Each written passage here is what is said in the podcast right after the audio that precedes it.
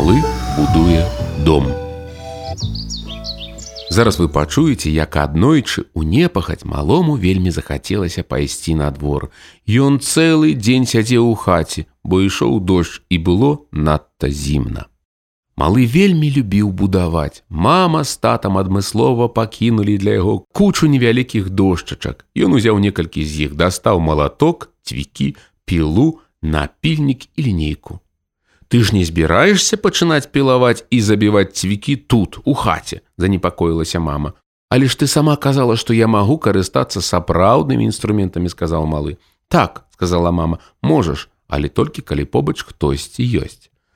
Дык ты ж акурат побач са мной запярэчыў малы. Але ж паслухай ты не можаш майстраваць тут у пакоі сказала мама. Але на дварэ ідзе дождж сказаў ён Тады табе трэба пачакаць, пакуль ён спыніцца, сказала мама і патлумачыла часам трэба ўмець пачакаць. Тады малы занёс інструменты на месца.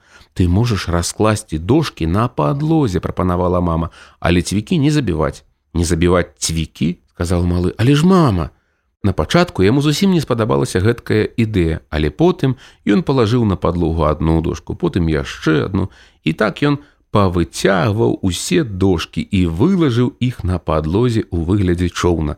Ён прынёс швабру ды ўсталяваў яе замест мачты. А сам заскочыў човен. Да пабачэння, мама закрычаў ён, я паплыў. І ён заспяваў голасам марака: Я плыву, плыву ад мамы, я плыву ад мамы, я плыву, плыву ад мамы. Праз хвіліну мама зазірнула ў пакой. Паслухай, сказала яна дождж спыніўся. Я не чую что ты кажаш закрычаў малы бо я далёка ў моры. Пачакай зараз я развярнуся і паплыву да хаты. Вельмі хутка і ён заспяваю карута банх бан карута банх бан карута банх бан карута банх бан прывітанне! Ну вось я і дома сказаў малы. Ты штосьці казала Я казала, што дождж ужо спыніўся, паўтарыла мама. Цудоўна, сказаў малы, тады я іду на двор, буду там пілаваць і забіваць цвікі. Я хачу збудаваць дом. Дом? запыталася мама. Так, дом, вялікі дом, сказаў малы. Ты маеш на ўвазе хатку, запыталася мама асцярожна. Не, закрычаў ён, дом са сходамі ды дзвярыма, дахам, сценамі і подлогай. Са сходамі дзвярыма, дахамі, сценамі і подлогай, запыталася мама. А гэта не будзе надта складана для цябе. Не, адказаў малы, для мяне гэта зусім не складана. Звычайна малы ніколі не пачынаў з чагосьці простага, каб навучыцца. Першы раз, калі ён сеў на ровар, то адразу ж хацеў паехаць.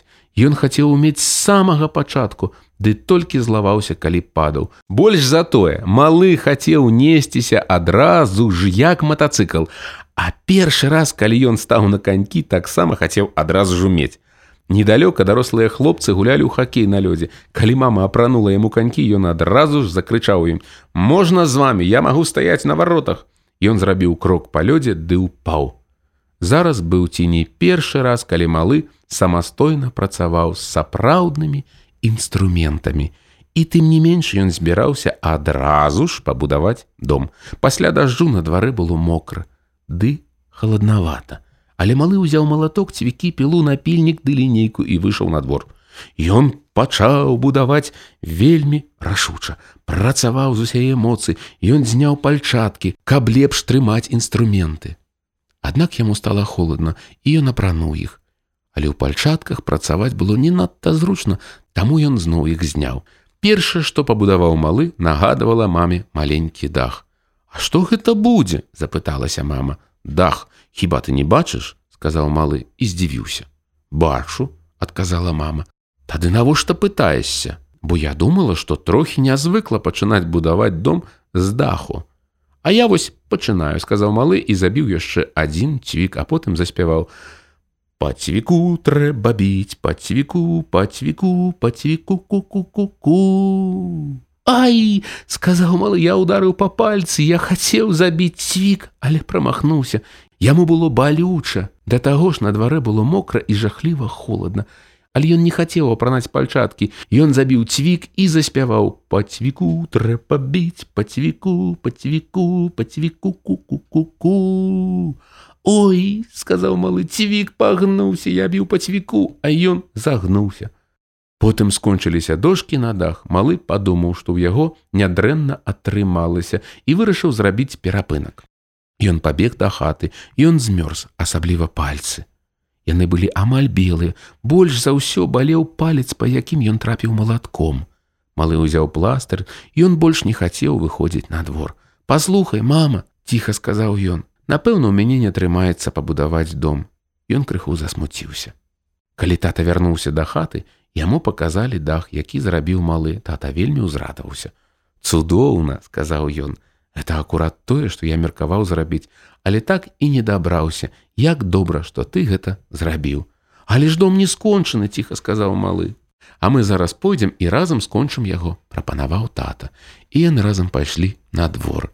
Яны ўсталявалі, чатыры невялікія слупы, на якіх трымаўся дах, пабудавалі тры сцяны, паслалі падлогу, дом быў гатовы.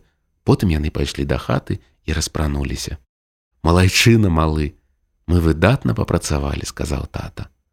А што ў вас атрымалася? запыталася мама. Тата паглядзеў на малога. Мы зрабілі дом для кошки, сказаў ён. Так, сказаў малы, дом для кошки. Выдатна, сказала мама.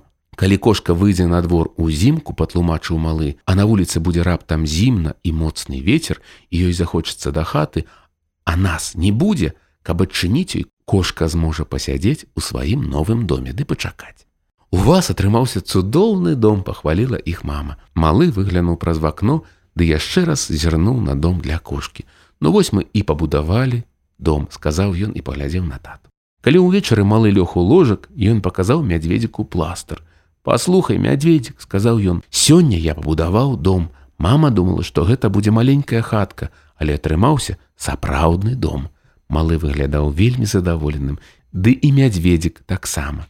Слухай, сказаў малы, калі раптам ты застанешся адзін на двары, ды будзе ісці дождж, дуць моцны ветер ці падаць снег, а ты захочаш да хаты і не дацягнешся да ручкі ў дзвярах, тады зможаш проста зайсці ў наш дом для кошкі, ты пачакаць. Потым мы ўбачым цябе ды адчынім дзверы, як цудоўна. Яны запаўзлі пад цёплую коўдру, леглі побач і абодва выглядалі вельмі задаволенымі, малы і мядзведзік.